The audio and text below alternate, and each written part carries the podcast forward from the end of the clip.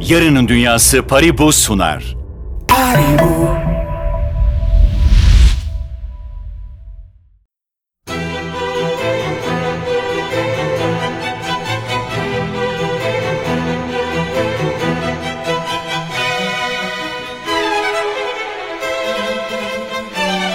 Herkese merhaba, Sinematris'te Görkem Öge ile birliktesiniz. Bu haftaki programımızda hem sinemanın gündemine bir göz atacağız hem de şu an salonlarda gösterimde olan Exorcist inançlı filminden bahsetmeye çalışacağız. Bu haftaki konu edeceğim film Exorcist inançlı filmi kaynak filmi olan 1973 tarihli Exorcist filmini elbette akla getiriyor ve denebilir ki Exorcist tam bir efsane. Sinema tarihinin en önemli korku filmlerinden bir tanesi olduğu için bu hafta özellikle Exorcist filmine de bir alan açmak istiyorum. Onun üzerine de bir şeyler söylemek istiyorum. Bugüne kadar sinematris programlarında Exorcist filmini çok nadiren anmıştık. Üzerine konuşmaya fazla fırsat bulamamıştık. Hazır elimizde bir Exorcist devam filmi varken kaynak filmi de bahsetmek onu da biraz böyle incelemek, üzerine bir şeyler söylemek keyifli olacaktır diye düşünüyorum. Ancak ondan önce sinemanın gündemine göz atalım diyeceğim ama aslına bakarsanız gündemde de şu an çok önemli ve tek bir festival, bir film organizasyonu var. Ve Ekim ayının da uzun yıllardır tabii ki en önemli gündemi, sinema gündemini film ekimi oluşturuyor. Sinema severlerin her yıl heyecanla beklediği film ekimi bu senede Paribu'nun ana sponsorluğunda sinemalara geliyor. 22. kez düzenlenen festival 13-22 Ekim tarihleri arasında İstanbul'da, 20 ve 22 Ekim tarihlerinde ise İzmir'de seyirciyle buluşuyor. Film ekimi programında Cannes'dan Venedik'e, Locarno'dan Toronto'ya, uluslararası festivallerde dünya premierini yapan ödüllü filmlerin yanı sıra yeni yapımlar da yer alıyor. Siz film ekimi kimi götüreceksiniz? Ben şöyle bir festivalin içeriğine baktım, filmlere baktım. Birkaç filmi size özellikle hatırlatmak istiyorum. Bence bu filmler festival seçkisinde biraz daha öne çıkıyor. Biraz daha fazla ilgiyi hak eden filmler bunlar. Bir tanesi Priscilla adlı film. Sofia Coppola'nın son filmi ve Sofia Coppola 2000'ler sonrası sinemanın önemli, ince, dikkate değer yönetmenlerinden bir tanesi. Sinema tarihinin en büyük yönetmenlerinden biri olan Francis Ford Coppola'nın zaten adını taşıdığı için böyle önemli bir sinemacı olduğu su getirmez elbette. Onun filmi Priscilla ilgiyi hak eden filmlerden bir tanesi. Bir başka önemli film Justin Trier'in Bir Düşüşün Anatomisi filmi. Bu yıl Cannes Film Festivali'nde Altın Palmiye'yi alan film Bir Düşüşün Anatomisi. Zaten Cannes Film Festivali'nde böylesine önemli bir ödüle ulaşmış olmak filmi yeterince önemli ve güçlü kılıyor bence. Mutlaka izlenmesi gereken bir film. Son yılların yine önemli yönetmenlerinden biri olan Yorgos Lanthimos'un Poor Things filmi de festival seçkisinde yer alıyor. Önemli bir yönetmen Yorgos Lanthimos. Her ne kadar ben geçmiş programlarımda adını andığım ve hiç sevmediğimi söylediğim hatta bir balon olduğunu düşündüğümü söylediğim Yorgos Lanthimos'un son filmi hani ben seviyorum ya da sevmiyorum üzerine fikirlerimi bir kenara bırakıyorum. Festivalin de önemli seçkilerinden biri olarak karşımıza geliyor. Bir başka önemli film elbette Zeki Demirkubuz'un son filmi Hayat.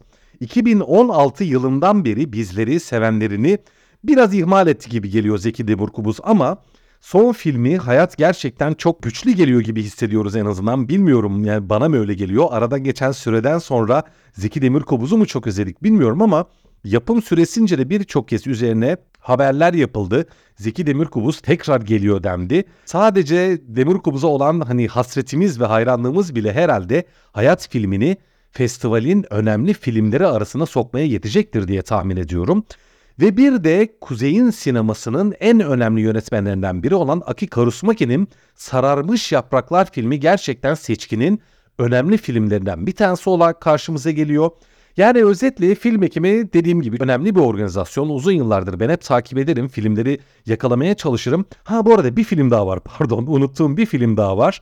Çocuk ve Balıkçıl filmi. Hayao Miyazaki desem yeter mi acaba hayranları için? Japon animelerinin aslında belki de animasyon sinema deyince tüm dünyayı ve tüm hatta hem sinema tarihini hem de çizgi film tarihini, animasyon sinema tarihini dikkate aldığımızda karşımıza gelecek en önemli yönetmenlerden bir tanesidir Hayao Miyazaki. Ülkemizde de çok yoğun biçimde sevilen, tanınan, bilinen bir yönetmendir. Hayranları çoktur yani benim çevremde de Miyazaki'nin birçok hayranı olan arkadaşım var.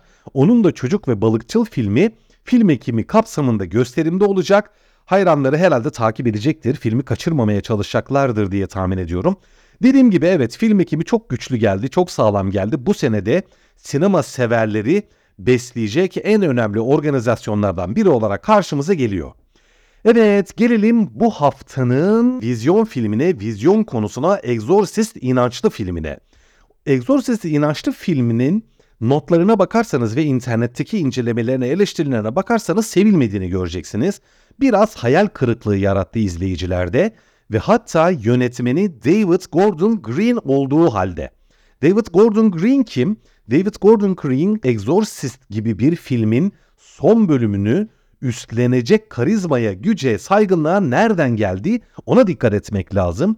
Çünkü David Gordon Green bir başka sinema efsanesi olan John Carpenter imzalı 1978 yapımı Halloween filminin son üçlemesini çeken yönetmen. 3 tane film çekildi 2018 yılında, 2021 yılında ve 2022 yılında. Şimdi Halloween de çok önemli bir korku klasiği olduğu için onun devamının peşinen 3 film olacağı garantilenmişti. Söylenmişti yani bir üçleme olacak diye. Ve ilginç biçimde David Gordon Green bu filmlere gerçekten yeni bir soluk getirdi diyebiliriz. Gayet güncel hem yani efsaneye Halloween filmine çok doğru referanslarla, çok doğru bağlantılarla, doğru dokunuşlarla, doğru detaylarla, ayrıntılarla güncelledi. Hem de günümüz sineması içinde gayet güncel, çok iyi birer korku filmine imza attı. Şimdi genel olarak bakarsak o filmin de notlarının çok yüksek olmadığını görüyoruz ama bence Halloween filmini gayet çarpıcı biçimde güncelledi. Güzeldi yani bence filmler iyiydi. Filmlere neden düşük notlar verildi ben pek de anlamış değilim. Bu üç filmdeki düzeyinden dolayı, yaklaşımından dolayı ve Halloween efsanesini günümüze en azından yapımcılara göre diyelim ya da belli bir kesime göre diyelim doğru bir şekilde uyarlamış olduğundan dolayı anlıyoruz ki Exorcist filminin son üçlemesini evet bunu da bu, bu noktada söylemiş olalım. Exorcist'in devamı olan filmler de birer üçleme olacak. Üç tane film çekileceği şimdiden duyuruldu. Ve işte onların da birincisi olan Exorcist inançlı şu an salonlarda gösterimde. Şimdi Exorcist'in temel olayı neydi? Yani 1973 tarihli kaynak filmden bahsediyorum. Bir kere sinema tarihinin birçok seçkiye göre, birçok eleştirmene göre, birçok otoriteye göre gerçekten en iyi korku filmi. Şahsen ben de bu fikirdeyim. Genellikle Stanley Kubrick'in Shining filmiyle karşılaştırılır. Kimi der ki sinema tarihinin en iyi korku filmi Kubrick'in Shining'i, kimi de der ki William Friedkin'in Şeytan filmi, Exorcist filmi. Bence de Exorcist sinema tarihinin en iyi korku filmi. Şimdi Shining'le veya hani Kubrick'le karşılaştırmak istemiyorum. O çok uzun bir sohbet olur. Oraya girmeyeceğim ama bu filmi hani bu kadar büyük, bu kadar güçlü bir korku filmi yapan neydi? Birincisi dönemi için gerçekten çok ileri mekanik efektler kullanılıyordu. Çok ikna edici, gerçekten çok korkutucu. Hani makyaj çalışması iyiydi, yönetmenliği iyiydi. Teknik olarak bir kere mükemmel bir filmdi. Çok iyi yönetildiğini, çok iyi oynandığını, kurgulandığını, yazıldığını yani her açıdan mükemmel bir sinema sanatı ve zanaati örneği olduğu görürsünüz. Bu bir. İkincisi elbette şeytan gibi tüm dinler için en önemli korku kaynağı olan nasıl diyeyim olguyu diyeyim çok ikna edici biçimde senaryolaştırıyordu. Şeytanı son derece ürkütücü, son derece korkutucu bir şekilde karşımıza getiriyordu. Üçüncüsü bu yorum bence şeytan filmiyle ilgili çok da fazla dile getirilmeyen, çok da fazla göz önüne alınmayan bir yorum ama bir parantez benim yorumum değil. Yine hani hem edebiyat tarihinin hem de korku tarihinin en önemli kişiliklerinden biri olan Stephen King'in yorumudur. Stephen King Şeytan filmini gerçekten çok korkutucu bulduğunu söylemişti ve ne demişti biliyor musunuz? Şöyle bir yorum yapmıştı. Bence çok güzel bir yorum. Çocuklarının elinden kopup gittiğini görüp hiçbir şey yapamayan ebeveynlerin korkusunu muhteşem biçimde yansıtır ve Şeytan filminde bence en korkutucu tarafı budur. Bakın çok ilginç bir bakış. 70'li yıllar Woodstock gençliğinin uyuşturucu, seks ve rock'n'roll çılgınlığıyla kendi kültürünü, kendi isyanını dile getiren zamanının gençlerinin ve bir anlamda da kuşak çatışmalarının tavan yaptığı bir dönemdi. İşte o dönemin de yetişkinleriyle gençleri arasındaki kopukluğunu bir anlamda alt metin olarak kullanan ve kendi çocukları kendilerinden çok farklı olan ebeveynlerin bu konuda hiçbir şey yapamayışını da temsil eden bir filmdir. O anlamda politik olarak da, kültürel olarak da, elbette dini olarak da falan çok sayıda alt metne sahip olan muhteşem bir filmdi. Hadi bütün bunları kenara atın. Çok korkunçtu arkadaşlar. Gerçekten korkunçtu. Yani insanlara uyku uyutmadı Exorcist filmi. Hani o kadar korkunçtu ki Hani işte salonlarda çığlıklar atılırdı, insanlar filmi yarıda bırakırdı, bayılanlar olurdu falan. Bununla ilgili çok sayıda öykü anlatılır filmin gösterime girdiği dönemde. Ve son olarak da şunu hatırlatmaya çalışayım. Sinema tarihinin en iyi filmleri işte en çok Oscar alan filmleri gibi listeler yapıldığında korku sinemasından nadiren örnekler görürüz. Yani bir anlamda korku sineması hatta edebiyatta da böyledir. Entelektüel kitlenin biraz sırt döndüğü hani sinemanın seçkin örneklerini, seçkin türlerine çok da giremeyen biraz böyle ucuz bir tür gibi görülen, biraz dışlanmış bir türdür korku türü. O anlamda Exorcist filmi toplam 10 dalda Oscar adayı olup 2 dalda bu ödüle ulaşmıştı ve önemli dallar olarak kabul edilen en iyi film, en iyi yönetmen, en iyi senaryo, en iyi kadın ve erkek oyuncu gibi ana dallarda da sinema tarihinin Oscar adayı olan tek korku filmi olma ünvanına ulaşmıştı. Yani Exorcist filmi korku türünü entelektüel, sinemanın elitleri dediğimiz gruplara ulaştırma başarısı gösteren ve korku sinemasının da biraz daha entelektüel ve sinemanın kaymak tabakası tarafından da dikkate alınıp önemsenmesini sağlayan filmlerinden bir tanesi olmuştur. Bu açıdan da gerçekten çok önemlidir. Yani diyebiliriz ki neredeyse korku türüne prestij kazandıran en önemli filmlerden bir tanesidir Exorcist. Buna ek olarak sinema tarihinin çekim sürecinin en sorunlu, en problemli, en böyle hikayelere konu olmuş filmlerinden de bir tanesidir. Hem William Friedkin oyuncularıyla işte yapımcılarıyla falan çok ciddi kavgalar etmiştir, çekimler uzamıştır, bütçe aşmıştır falan. Yani onun maceralarını anlatsam gerçekten bitmez. İnternette de Exorcist'in çekim arkalarını gösteren çok sayıda video var, çok sayıda paylaşım var. Hani bir boş bir zamanınızda o paylaşımları görmek isteyebilirsiniz. Ama bir yandan da gerçekten hayran olunası bir yapım aşamasına sahiptir Şeytan filmi. Yani diyorum neresinden tutsak, neresinden ölsek bilemiyorum. Çok önemli bir film Exorcist. Şimdi bu gücün bu hani yüksek de hasılat rakamına ulaşmıştır aynı zamanda onu da söyleyeyim. Sinema tarihinin o dönem için en çok izlenen filmlerinden biri olmuştur ki korku filmleri nadiren en çok izlenen filmler arasına girmiştir. İşte bu açıdan da yani gişi başarısı açısından da Exorcist filmi sinema tarihinin en önemli filmlerin de arasındadır. Şimdi bu başarının üzerine de elbette yapım şirketi yeni Exorcistler yapmak istedi ve iki tane devam filmi çekildi. Bir tanesi 1977 yapımı Exorcist 2 The Heretic, bir tanesi de 1990 yapımı direkt Şeytan 3 yani Exorcist 3 adıyla gösterime girdi. Ve gerçekten bu iki filmde çok kötüydü, çok ciddi linç yediler, çok kötü eleştirel puanlar aldılar, hasılatları çok düşük kaldı ve özellikle Exorcist 2 Heretic'in yönetmeni John Borman 1970'lerin, 80'lerin, 60'ların önemli yönetmenlerinden bir tanesiydi öyle bir linç yedi, öyle bir dışlandı ki sinemayı bırakma seviyesine geldi. Bir de o dönemin linçleri günümüz gibi değil arkadaşlar. Yani şu an işte sosyal medyada, haber sitelerinde, Twitter'da, ekşi sözlükte vesaire linçlenmiyorsunuz. Gazetelerde, televizyonlarda, sanat dergilerinde, sinema dergilerinde linçleniyorsunuz. Yani ne bileyim sizi kötü yönde eleştiren bir Twitter hesabını engellemek gibi ya da o da kimmiş hani o kim oluyor da konuşuyor gibilerinden bir yorumla cevap verebileceğiniz eleştiriler değil bunlar o dönemdekiler yani. Alaya alındı film gülündü vesaire yani gerçekten çok kötüydü John Borman'ın filmi yani hem film de kötü hem de ortaya çıkan durum gerçekten çok kötüydü. 1990 tarihli film ise ilk filmin yani bir 73 tarihli Exorcist'in hem romanının hem de senaryosunun yazarı olan William Peter Blatty çekti. Hem kendisi yönetmenliğini yaptı hem senaryosunu yazdı. Ancak ne yazık ki o filmde kötüydü. Hani Exorcist'in film yani öyle bir efsaneydi ki o kadar büyük ve güçlüydü ki ardından gelen hemen hemen her şey en azından onunla karşılaştırıldığı ya da filme olan hayranlık çok büyük olduğu için gerçekten yer ile yeksan oldu. Hatta şunu da belirtmek istiyorum. Exorcist'in başrolündeki Linda Blair yani Regan karakterini oynayan yani içine şeytan giren genç kız karakterini oynayan oyuncu hani o genç yaşta Exorcist filminde muhteşem bir oyunculuk sergilemişti.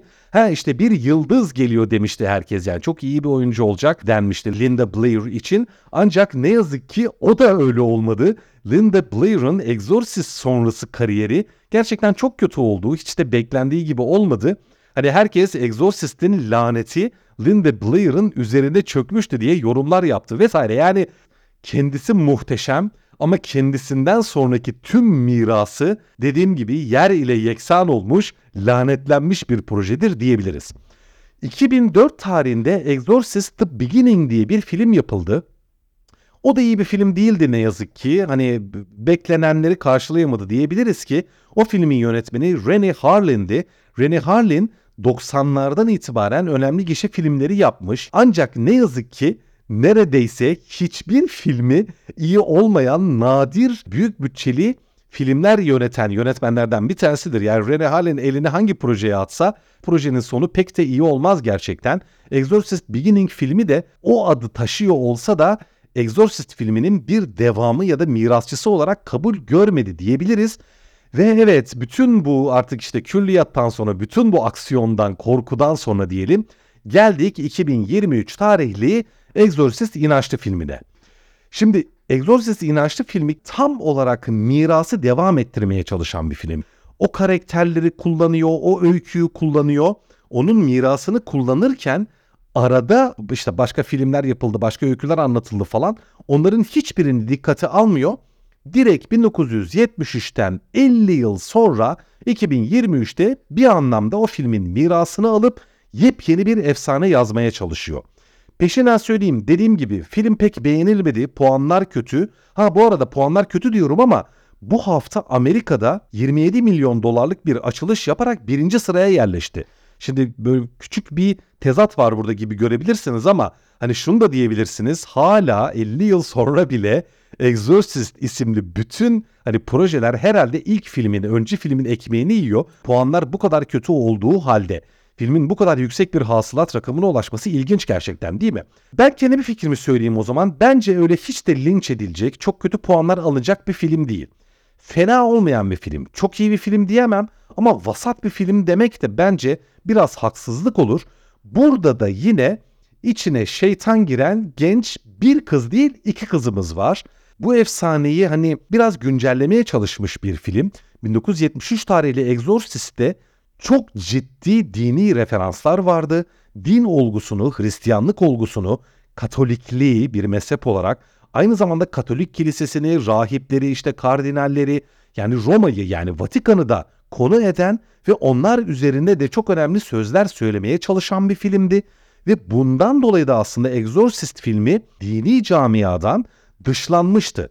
Exorcist filmi için onu tekrar izleyeceğime domuz kanında banyo yapmayı tercih ederim diyen rahipler olmuştu o zaman. Yani hani dini açıdan son derece pürüzlü ve sıkıntılı bir filmdi. Belki de sebebi budur Exorcist inançlı filminin din meselesini ya da işte Katolikliği, Hristiyanlığı bu kadar işin içerisine katmaması. Exorcist inançlı filminde olay daha çok Katoliklikten ve Hristiyanlıktan hangi tür olursa olsun inançlı olmaya doğru evrilmiş bir proje olmuş ki filmin başrol karakteri inançsız bir kişi. Yani direkt hani ateist olduğu söylenmiyor ama en azından dindar bir kişi değil. Katolikliği, Hristiyanlığı ve din inancını öne alan bir karakter olmadığını görüyoruz. Aynı zamanda hani burada da bir egzorsizm ayini var neticede. O ayini de öncelikle bir rahip yapmıyor. Şimdi ufak tefek spoilerler vermiş oluyorum ama filmde çok büyük bir sürpriz yok veya hani filmin sürprizini açık ediyor değilim merak etmeyin. Yani bunu hani bu sohbeti dinlemenizde bir sakınca yok. Dediğim gibi öncelikle bir rahip söz konusu ayini üstlenmiyor. Onun dışında Afrika'daki daha yöresel, otantik ve tırnak içinde batıl denebilecek inançların bir temsilcisi de söz konusu egzorsizm ayinin içerisinde oluyor. içerisine şeytan girdiği söylenen iki kızın aileleri oluyor, yakınları oluyor falan. Yani biraz daha böyle o ilk filmdeki işte haçlar, işte kutsal sular, işte inciller falan filan hani o kadar dini bir ortamda değiliz. Bu birincisi filmin ilginç taraflarından bir tanesi. İkincisi neticede artık 1973'te değiliz, 2023'teyiz ve günümüzün korku sinemasının belli teknik gereklilikleri var, senaryo ile ilgili, karakter sunumu ile ilgili falan gereklilikleri var. Bence film gayet iyi çekilmiş, iyi yazılmış, çok iyi akıyor, hiç sıkmıyor yani insanı. Güzel bir film olmuş. Yani izlemesi keyifli bir film bence Exorcist inançlı. Ancak korku dozunun yeterince yüksek olmadığını söyleyebilirim. Yani film korkutmuyor değil ama tabii öncü filmle 73 tarihli Exorcist'le ister istemez karşılaştırıyorsunuz. Yani ya da karşılaştırmasak da aklımıza o geliyor değil mi? Gelmemesi mümkün değil. İşte o filmin korku dozu düşünüldüğünde bu filmin korku dozu çok mütevazi kalıyor. Bir gerilim olarak iyi, bir teknik işçilik filmi olarak, akış olarak, karakter dramı olarak gayet iyi. Korku dozu biraz sınırlı. Hani şimdi bir üçleme olacak ya bunlar. Üç tane Exorcist devam filmi çekilecek dendi. Sanki Gordon Green filmin yönetmeni hani ilk filmde biraz korkutalım. Yani diğer filmlere de biraz korku dozu bırakalım. Bunda hafif bir giriş yapalım. Biraz korkutalım ama çok da abartmayalım demiş gibi geldi bana. Yani sanki öyle bir ton tutturmaya çalışmış gibi geldi. Bir noktaya daha dikkat çekmek istiyorum. Geçtiğimiz programlarda ben bundan bahsetmiştim. 2010'lar sonra dünya sineması sinema tarihinde hiç daha önce görmediğimiz bir şey yaptı. Benim dönemler aşırı devam filmleri diye isimlendirdiğim bir devam filmi yapısı kurdu. Terminator bunu yaptı, Scream bunu yaptı. Ne oluyor? Çok geçmiş dönemlerden yani işte 70'lerden, 80'lerden, 90'lardan bazı filmlerin yeni devam filmleri çekiliyor. O öyküyü devam ettiriyor olsa da işin içerisinde genç, yeni nesil, yepyeni karakterler oluyor ve bu karakterler eski filmlerin artık yaşlanmış kahramanlarından yardım istiyorlar. Bakın bu çok güzel bir formül bence. Bunu uygulayan filmler bence hep iyiydi. Dediğim gibi Scream bunu yaptı mesela. Çok güzel yaptı.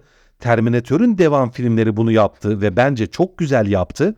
İşte Exorcist inançlı filmi de tam olarak 2020'li yılların dönemler aşırı, dönemler ötesi devam filmlerinin bir örneği olmuş ancak bence bu olana iyi kullanamamış.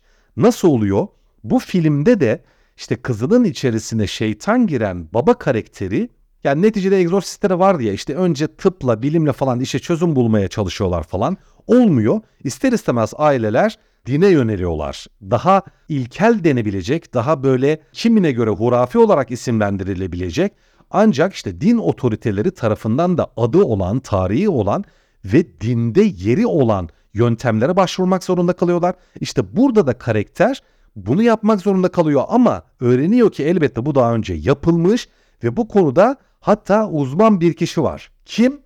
Elbette işte ilk filmdeki Chris McNeil karakteri Alan Burstyn'in canlandırdığı, Oscar'lı Alan Burstyn'in canlandırdığı, düzeltmiş olayım. Çok değerli, çok iyi bir oyuncudur. Exorcist'te de performansı olağanüstüydü zaten. İşte esas Exorcist filminde kendi kızının içerisine şeytan giren anne karakterini gidip buluyorlar. Çok güzel bir hamle bence. Exorcist efsanesinin başrol oyuncusunu, başrol karakterini bu filmde görmek çok güzel. Ancak dediğim gibi bence Exorcist inançlı filmi bu karakteri da iyi kullanamamış. Daha fazla sahnede görmeyi ben çok isterdim. Öyküde daha fazla etkisini olsun isterdim ancak bu pek de olmamış.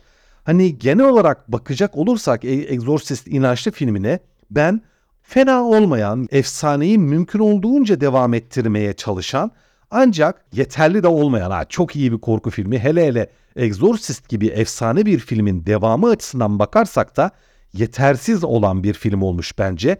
Ancak yine de korku filmi seviyorsanız, bu tip filmlere ilginiz varsa ve Exorcist efsanesini biraz olsun onun duygusunu, dokusunu devam ettirmeye çalışan bir film izlemek istiyorsanız Exorcist inançlı filmini izleyebilirsiniz. Evet bu hafta hem film ekiminden bahsetmeye hem de şu an salonlarda gösterimde olan Exorcist inançlı filmini konu edinmeye çalıştık.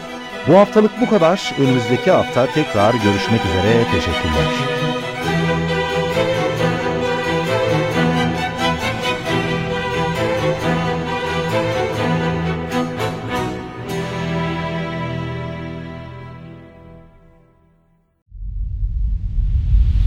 Yarının Dünyası Paribu sundu. Paribu,